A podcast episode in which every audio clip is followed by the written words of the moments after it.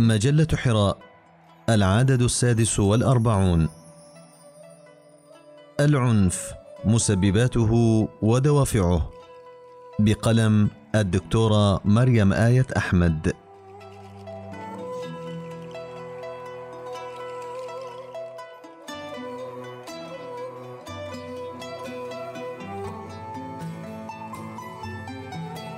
لقد عني علماء النفس الاجتماعي منذ أمد بعيد بقضية الأسباب الكامنة وراء العدوان بين الناس أو العدوان بين الشخصي ويدور الجدل منذ سنين حول دور الوراثة مقارنة بدور البيئة في العدوان وفيما إذا كان السلوك العدواني لدى البشر يتحدد بيولوجيا أم أنه ينشأ عن التعلم ويتأثر بمؤثرات بيئية.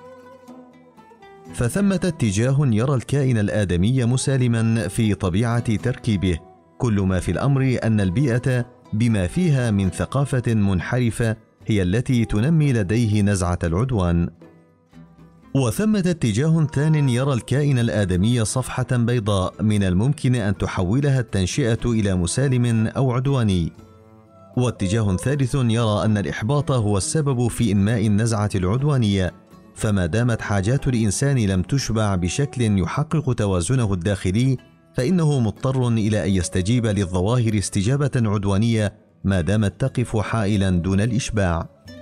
ويواكب هذا الاتجاه اتجاه لا يقصر الأمر على الإحباط أو عدمه أو درجته وصلة ذلك بالعدوان بل يجد أساسا أن عجز الإنسان عن إشباع حاجته في التخلص من حالة الإحباط يضطره إلى العدوان بصفته استجابة حتمية للإحباط. على أن أشد الاتجاهات مفارقة هو الاتجاه الذاهب إلى أن العدوان يمثل حاجة أو دافعا فطريا يرثه الكائن الآدمي بالفعل. وهذا يعني أن الإنسان يعيش في عالم متغير ويسيطر على سلوكياته من خلال أفعاله ومن خلال تعرفه بمحيطه. وهو قابل بصورة إيجابية للتغيرات المذهلة بحيث يكتسب الإنسان قوة خارقة تؤهله لممارسة عنف يفوق عنف كل حيوانات الطبيعة والبحار.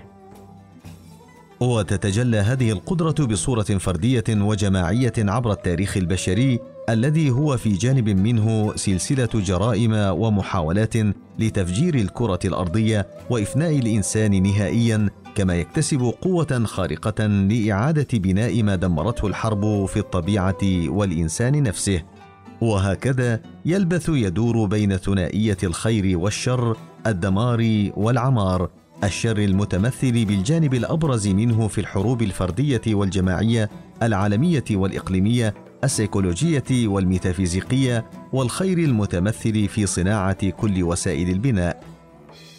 أما التصور الإسلامي للظاهرة فإنه من الوضوح بمكان كبير أن الكائن يرث بالقوة مبادئ الشهوة والعقل أو الذات والموضوع أو الخير والشر وإلى أن عملية التأجيل التي يمارسها في بحثه عن اللذة هي التي تترجم القوة إلى فعل إيجابي هو المسالمة.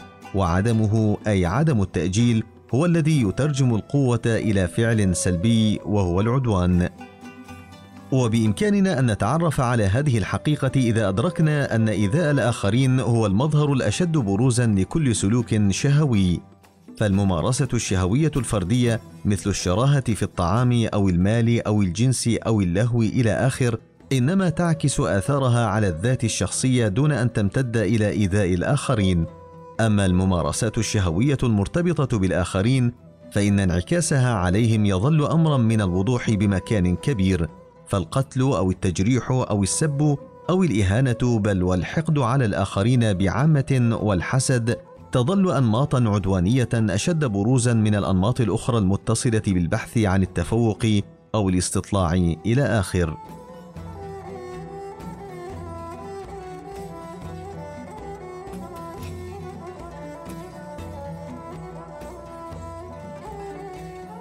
جذور العنف. يرى الدارسون أن العنف ظاهرة لها جذور سياسية واقتصادية واجتماعية ونفسية وهي ترتبط مثلها مثل أي ظاهرة أخرى بالعديد من العوامل المتداخلة والمتشابكة مع بعضها البعض. وبدون قراءة صحيحة لهذه العوامل ستبقى كل المعالجات قاصرة ولا تمثل حلولا ناجعة لها، ومهما تم من تغطية أمنية مكثفة على أهميتها فإنها ستبقى دون تحقيق النتائج المطلوبة للمعالجة، ذلك أن الإجراءات الأمنية تحاول منع العنف المدفوع بالكثير من العوامل، ولما كان العنف سلوكا فإنه يحتاج لضمان تواصله واستمراريته طاقة تكمن في دوافعه. ومن ثم فإن أي تعامل مع ظاهرة العنف لا يأخذ بعين الاعتبار عوامله الأساسية سيكون تعاملا مجتزا لا يؤدي العلاج المطلوب وربما أطال عمر الفيروس الحامل لممانعة المودة وجذره.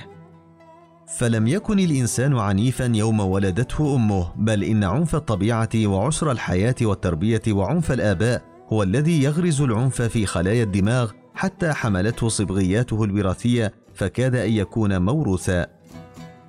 وهنا تظهر أهمية دروس التربية لتعريف النشء بالمبادئ الإنسانية النبيلة التي تحث على الود والتواصل والعدالة والأخوة والتفتح على الرأي الآخر وعدم نصب العداء للمعتقدات الأخرى.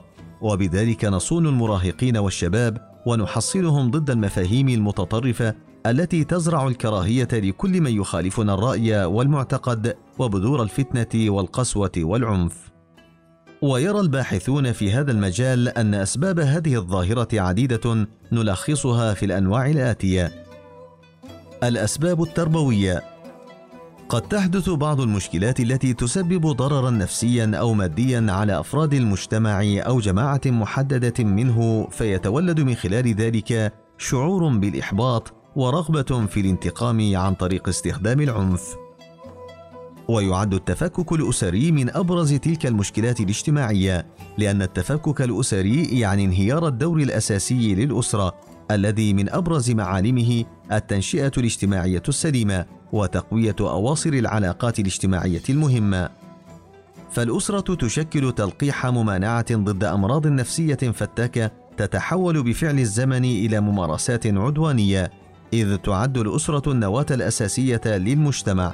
والتي في أحضانها ينعم الطفل بالعناية والرعاية والحب والأمان فهي الوعاء الطبيعي الذي يحتضن الفرد في طفولته وحتى شبابه بحيث يتم تزويده إما بالعطف والاحترام فينمو نموا سليما صحيحا يتميز بالقدرة على التكيف مع محيطه أو بالقسوة والإحباط أو التدليل الزائد مما يعرقل نموه الطبيعي ويخلق لديه مشاعر القلق وعدم الطمأنينة. فالأسرة كالجسر الذي تعبر عليه خصائص الثقافة لأية أمة إلى أفرادها في حين أن أساليب المعامله والتنشئة الأسرية هي تلك العربة التي تسير على هذا الجسر وتنتقل القيم والاتجاهات والمعتقدات للأفراد.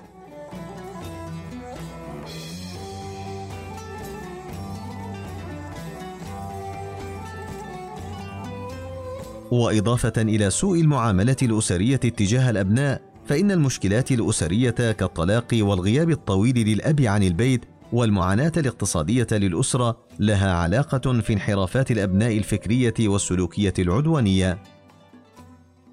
الأسباب الاقتصادية تنتشر في بعض دول العالم اليوم حالة من انعدام العدالة في توزيع الثروات الاقتصادية فتظهر فئة أو فئات من المجتمع تنهج سياسة الاحتكار.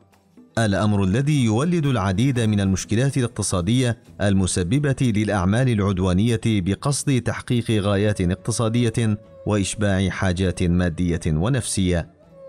فتفشي البطالة وتدهور القدرة الشرائية لسوء الأوضاع الاقتصادية وانخفاض مداخيل الدولة تجعل نفوس الشباب مرتعا خصبا لكل الأفكار المغرية وعرضه لكل إغراء مادي يستعمل مصيدة لهؤلاء لتوريطهم في أعمال العنف بطعم إخراجهم من وضعيتهم الصعبة التي تتطلب منهم أحيانا بيع أعضائهم بأثمنة بخسة أو القبول بدخول سوق الاتجار بهم في مساد النخاسة العالمي.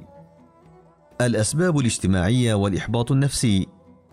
يترتب عن الأسباب الاقتصادية السالفة الذكر أسباب اجتماعية إذ بتدهور الاقتصاد تتدهور الأوضاع الاجتماعية وتفكك الأواصر الأسرية نتيجة استفحال مشكل الأمية والبطالة والفقر والفاقة والتهميش الاجتماعي والمحسوبية والرشوة والفساد الإداري، فيجد الشباب نفسه في عمر العطاء يفقد إنسانيته وكرامته ويحرم من فرص تقديم كفاءته ويخنق إبداعه، فيجد الشباب نفسه في الثلاثين من العمر يعيش مرحلة التقاعد المبكر، لكن من دون شروطه لا عمل ولا أسرة ولا أطفال ولا استقرار مادي ونفسي. ومن هنا يتكون الشعور بالتهميش وفقدان الثقة ويزداد قوة بعد طول انتظار فتصبح النفوس مهيئة لتقبل أي فكرة تنادي لتغيير الأوضاع مهما كانت وسائل هذا التغيير لأن الهدف هو تحطيم الأوضاع التي فرضت عليه العيش في هذه الظروف القاسية وجعلتهم طبقة منبوذة مهمشة فتكون الاستجابة تلقائية لدعوة التغيير بالعنف. ومن أهم نظريات علم النفس الاجتماعي نظرية تفسر السلوك العدواني وتربطه بالإحباط. ففي حالة اليأس والإحباط من تغيير الواقع يتعرض الفرد إلى تغيرات سلبية في التفكير والشعور، ففي مجال التفكير تقل أمام العقل الخيارات والمحاولات والحلول للتغلب على العوائق أما في جانب الشعور والإحساس فإن الفرد في حالة اليأس والإحباط يغلب عليه التشاؤم والشعور بنقص الكفاءة والانهزامية فينخفض مستوى الروح المعنوية وينعدم الأمل في المستقبل وقد يتجه الفرد بناء على ذلك إلى التفكير العدواني المنحرف لعلاج المشكلات.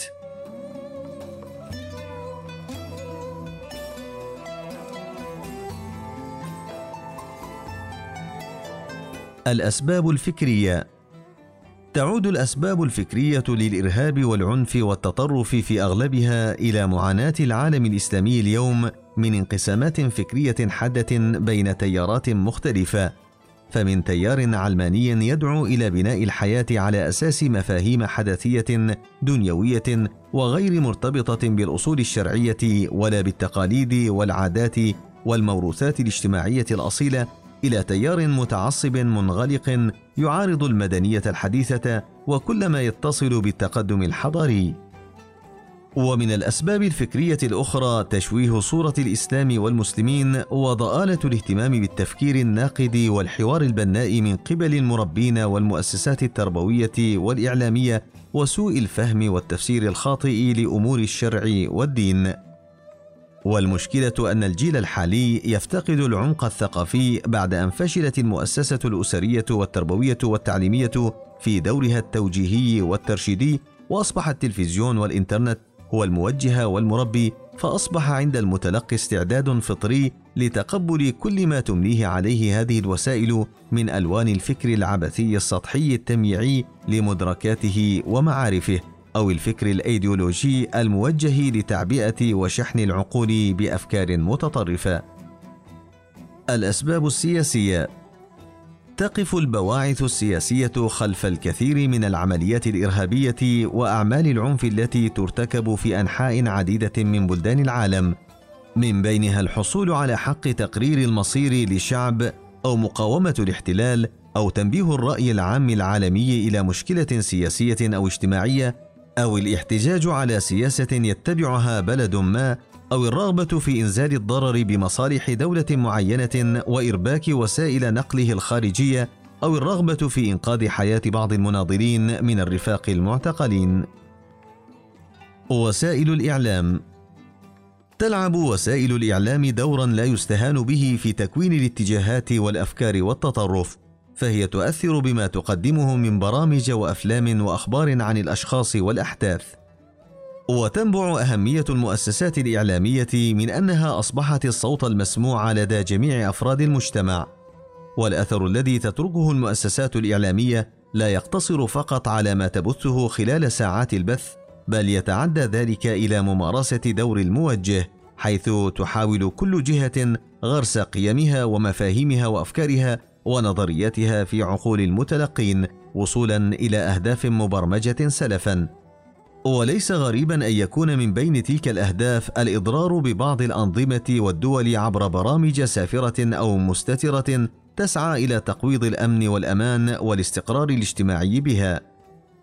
وتبرز مساهمة وسائل الإعلام في تكوين الانحرافات الفكرية عند الأفراد والجماعات فيما يظهر في التغطيات الإعلامية لبعض الحوادث الإرهابية التي تقوم بها بعض الجماعات المتطرفة حيث تقارن وسائل الإعلام بمبالغة مفرطة بين أفراد تلك الجماعات وبقية أفراد المجتمع وتصوير الدولة والمجتمع في صور ملائكية وإنكار أخطاء أفراد المجتمع وتعظيم أخطاء أفراد الجماعات المعتدية مما يحدث فكرا منحرفا مضادا وفجوة هائلة بين الواقع والمثال يستغله أصحاب الفكر المنحرف من متطرفين وغيرهم في برنامجهم القائم في الأساس على المقارنة بين مثال خيالي والواقع الموجود وهي مقارنة تثير الإحباط واليأس والاستفزاز عند بعض الأفراد. وتنمي بعض وسائل الإعلام مشاعر الكراهية والعدوانية التي تولد بدورها افكارا تبرر العنف وتكفر الآخر وتحرض على الانتقام. وذلك عندما تستفز بعض تلك الوسائل المشاعر الدينية للأمة بتجاوز الثوابت العقدية والاستهانة بالأحكام الفقهية الراسخة أو تزييف وتحريف النصوص الشرعية لغاية معينة وكذلك استهداف الأشخاص باتهام النوايا والتهكم والسخرية. ومن جانب آخر ساعدت شبكة المعلومات العالمية الإنترنت كوسيلة إعلامية عالمية في نشر الأفكار والإيديولوجيات المتطرفة والمنحرفة من خلال بروز فقه جديد عبر هذه الشبكة وهو ما يسمى فقه الإنترنت. بما يحويه من فتاوى فردية مشحونة بالانفعال والكراهية والتحريض على العنف. ويحدون الأمل باتجاه أن تتبنى المؤسسات الثقافية والإعلامية الوطنية هذه المسألة وتقود الحملة الإعلامية والتثقيفية لتأكيد خيار الاعتدال والوسطية في الأمة.